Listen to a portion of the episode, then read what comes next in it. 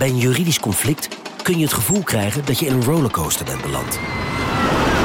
Je wereld staat op zijn kop en je bent de controle even helemaal kwijt. Dan is het fijn als je bent verzekerd bij ARAG. Daar werken topjuristen en advocaten die je begrijpen. Die een stap extra voor je zetten. En je het gevoel van controle teruggeven. Met kennis en informatie, met heldere uitleg en met gericht advies. ARAG, juridisch probleemoplossers.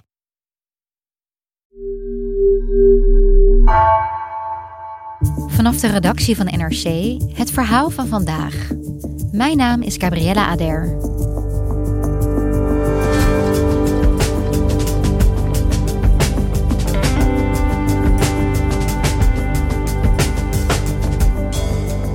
De rechtspraak in Nederland staat onder druk.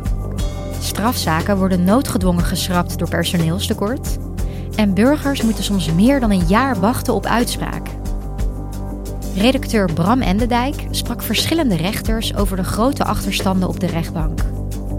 Wat is er nodig voor verbetering?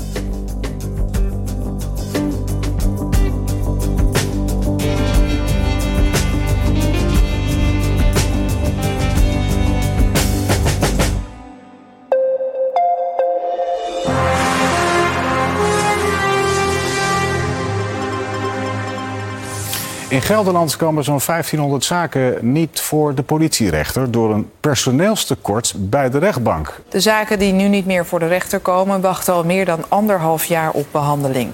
Het is een drastische maatregel, zegt het Openbaar Ministerie. In juni vorig jaar kwam er een toch wel opvallend bericht naar buiten. Namelijk het Openbaar Ministerie in Gelderland uh, ja, stopte eigenlijk 1500 kleinere strafzaken. En dat deden ze niet omdat daar geen bewijs meer was in die zaak. Nee, dat deden ze omdat die zaken al anderhalf jaar op een oordeel van de rechter aan het wachten waren. En dat ging om zaken zoals drugsbezit, diefstal of lichte mishandeling. En de oorzaak is eigenlijk heel simpel. De oorzaak is, er zijn te weinig rechters. En dat gebeurt niet alleen daar, in Gelderland. Later werden ook in Haarlem en Den Haag zaken geschrapt vanwege dat capaciteitstekort. En samen met mijn collega's Wafa Al-Ali en Camille Driessen hebben we gesproken met verschillende rechters van allerlei rechtsgebieden door heel Nederland. En uit die gesprekken blijkt dat zij zich eigenlijk allemaal zorgen maken over die werkdruk, hè? achterstanden en ook wel de kwaliteit van die rechtspraak die daarmee nou achteruit gaat. En de conclusie die je daaruit kan trekken is dat toch wel een van de fundamenten van onze democratie, van onze samenleving, namelijk de rechtspraak, dat die toch een beetje dreigt vast te lopen.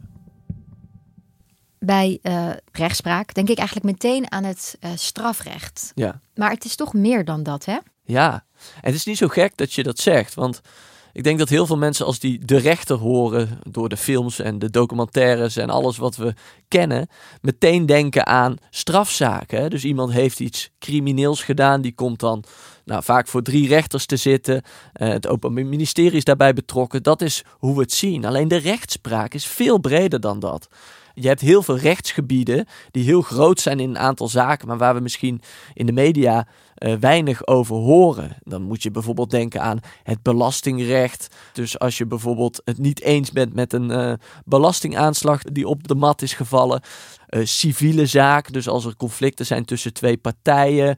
je hebt ook het vreemdelingenrecht voor nou ja, dingen die gebeuren rondom bijvoorbeeld mensen die hier willen blijven of die hier naartoe komen. Dus je kan het eigenlijk zo gek niet bedenken, maar bijna in elk gebied waar iets kan gebeuren of waar een conflict kan ontstaan, daar is ook wel een rechtsgebied voor.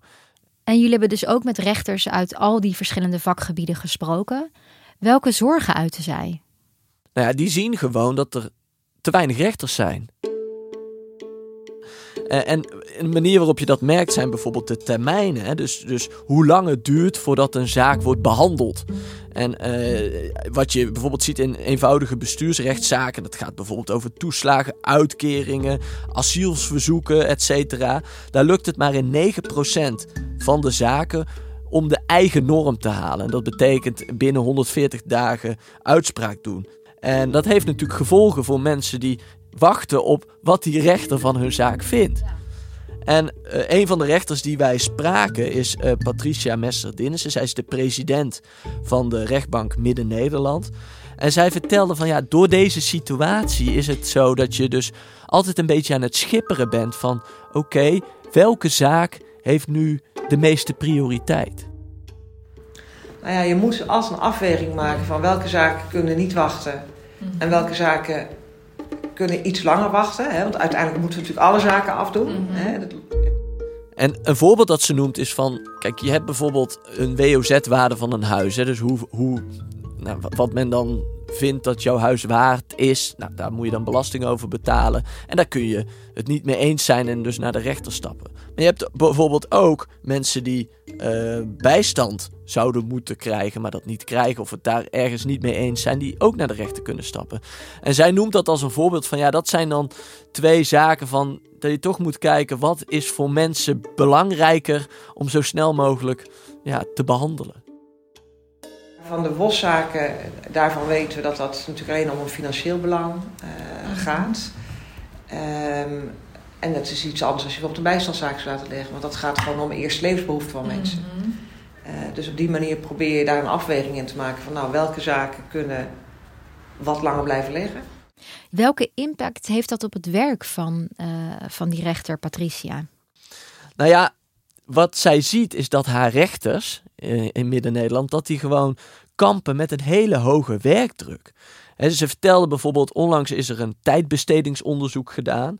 En ja, dat geeft een goed beeld van waar we het hier nou eigenlijk over hebben. Nou, dan zie je als je al het overwerk zou willen elimineren, heb je 800 rechts nodig. Nou is het natuurlijk zo dat je best op dit niveau van mensen mag verwachten dat ze enige overwerk doen.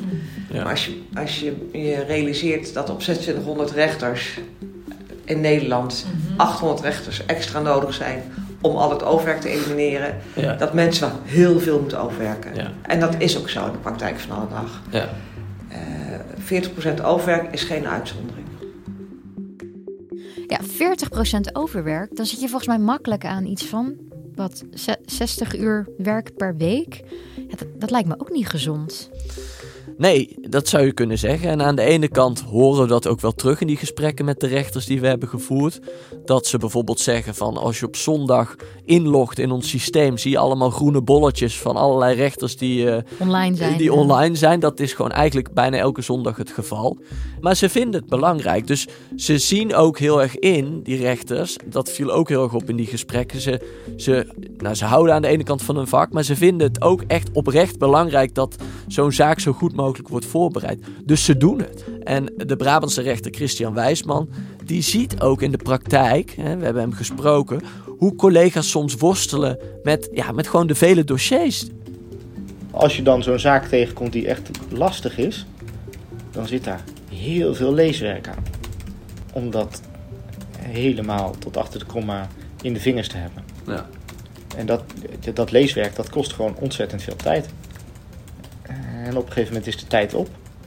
En Patricia Messer-Dinnissen, de president van de rechtbank Midden-Nederland, die zegt: op een gegeven moment kan die werkdruk ook gewoon ten koste gaan van de kwaliteit. Kijk, iemand die oververmoeid is, is uiteindelijk minder scherp. Ja. ja. Eh, een arts laat je ook niet 80 uur in de week in de operatiezaal staan. Dan, dan hoef je niet uit te leggen dat dat gevolgen kan hebben voor de kwaliteit. Nou, voor rechts is dat niet anders. Ja, eerder hoorden we in het gesprek al dat uh, er zelfs rechtbanken zijn, waaronder die in Gelderland, dat er al nou ja, over de anderhalfduizend zaken zelfs geschrapt zijn. Dus die komen al niet meer voor de rechter. Ja, wat zegt dat? Nou ja, dat zegt natuurlijk wel wat. Ik bedoel, dat is niet, lijkt me niet wat je wil. Hè? Dat er dus zaken zijn die, die, nou, die klaar liggen om voor de rechter te komen. Waar soms misschien ook slachtoffers bij betrokken zijn. Hè? Eh, die, die, nou ja, die hopen dat er in ieder geval de rechter er iets over zegt. Of gewoon dingen waarvan je als maatschappij zegt van het is goed dat als iemand door de politie uh, betrapt wordt op iets, dat hij ook een straf krijgt. Nou, dat gebeurt niet meer. En dat heeft dus te maken met waar we het nu over hebben onder meer. Die druk op die rechtspraak. Ja, en hoe kan het dat die druk zo hoog is geworden en dat er dus zo weinig rechters zijn. Ja, wat eigenlijk wel terugkomt is dat, dat dat is een beetje begonnen met bezuinigingen van de kabinetten Rutte 1 en 2. Uh, eh, toen zijn er weinig nieuwe rechters aangenomen in die tijd. Maar de gevolgen die we nu zien werden toen misschien niet helemaal gezien of onderkend. Maar dat is niet het hele verhaal. Wat je ook ziet is dat er situaties spelen in onze maatschappij die weer zijn, nou ja, zijn weerslag hebben op die rechtspraak. Als je bijvoorbeeld kijkt bij de IND, de Immigratie- en Naturalisatiedienst, hè, dat is een voorbeeld van, daar heb je personeelstekorten. Nou, die personeelstekorten leiden tot late beoordelingen van asielzaken, om het zo maar even te zeggen.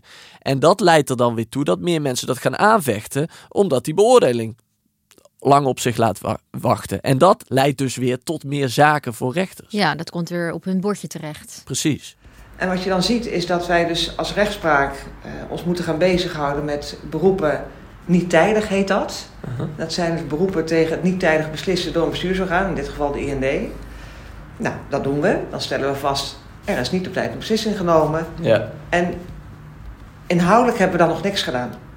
Terwijl wat we natuurlijk willen als rechtspraak is dat je uiteindelijk een bijdrage levert aan een rechtvaardige samenleving. Dus dat je inhoudelijk kijkt naar is hier wel of niet terecht een uh, uh, asielverzoek geweigerd. Die bezuinigingen uh, waar je het eerder over had, die waren dus in uh, kabinet Rutte 1 en 2. Inmiddels zitten we in kabinet Rutte 4. Ja. Toch? Ja, ja klopt. Um, is er niet inmiddels wat meer geld bijgekomen? Want het is wel duidelijk dat dit zo niet gaat. Ik bedoel, de rechters hebben al vaker aan de bel getrokken. Klopt, en daar is men ook niet doof voor. Dus geld is, geld is niet zozeer het grote probleem. Er zijn miljoenen beschikbaar gesteld om dit aan te pakken, hè, om extra rechters op te leiden bijvoorbeeld. Alleen, het probleem is nu, de rechters zeggen van ja, maar wij kunnen maar tot op bepaalde hoogte nieuwe rechters opleiden, omdat het systeem zo is als het nu is. Als jij rechter wil worden, dan uh, is er het meestergezel principe. dus dat, dat, betekent, dan ga jij met mij als rechter uh, eigenlijk ja, leer je van mij, loop je met mij mee. En in de praktijk betekent dat, vertellen die rechters, dat je één dag per week gewoon bezig bent met een nieuwe rechter aan het opleiden. Wat dus betekent dat je niet kan zeggen, we gaan oneindig veel nieuwe rechters opleiden. Want dat gaat dan weer ten koste van nou ja, de, de tijd die die rechters die al rechter zijn, kunnen besteden aan het behandelen van zaken. dus dit werkt op de lange termijn, zou je kunnen zeggen. Maar ja, voor nu is er gewoon een, een, een max aan het aantal nieuwe rechters dat je kan opleiden. En die max, die er nu is, die is op korte termijn niet genoeg om die achterstanden substantieel in te lopen. Ja, en welke oplossingen zien de rechters zelf dan?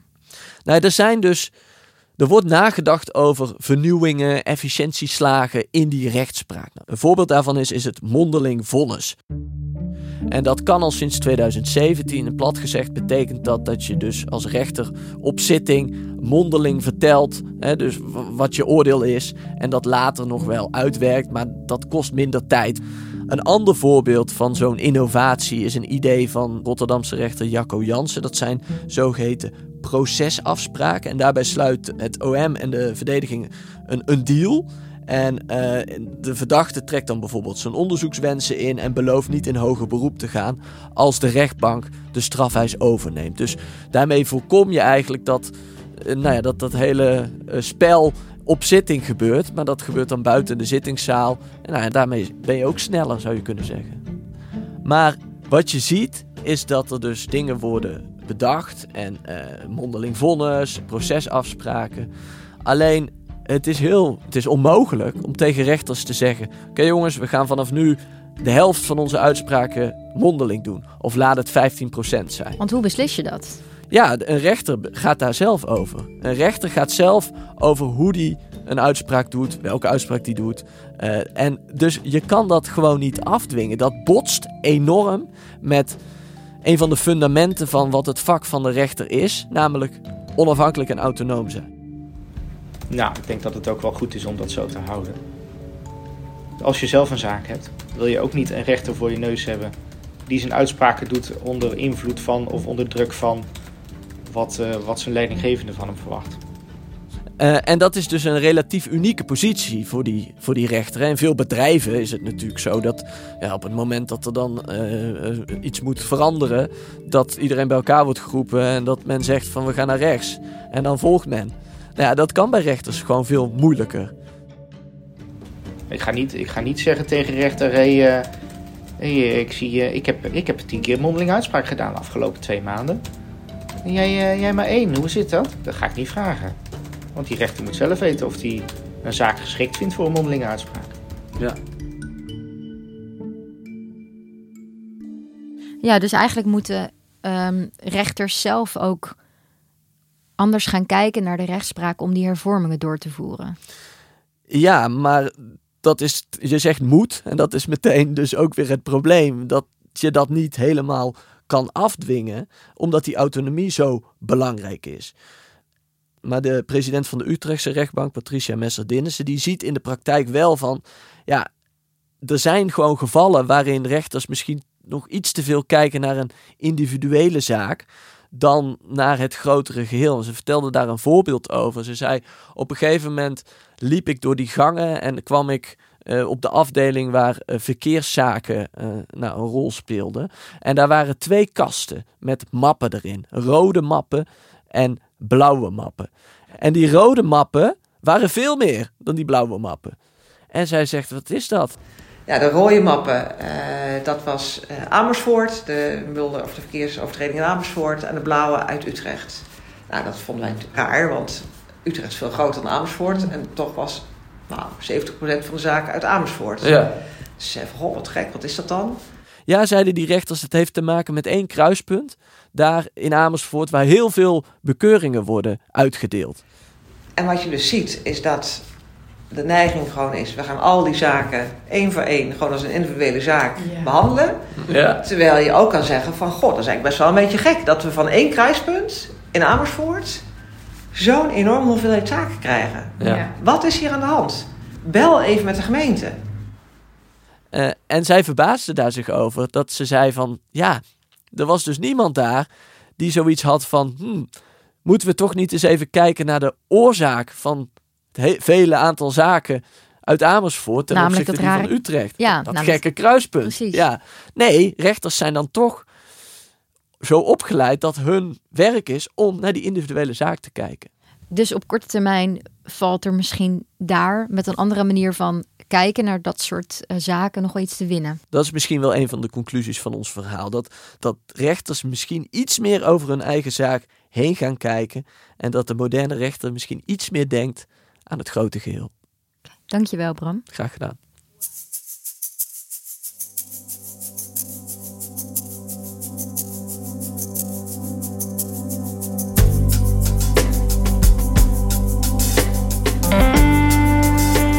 Je luisterde naar vandaag, een podcast van NRC. Eén verhaal, elke dag. Deze aflevering werd gemaakt door Mila Marie Bleeksma, Ruben Pest, Ignaat Schoot en Jennifer Patterson. Dit was vandaag, morgen weer.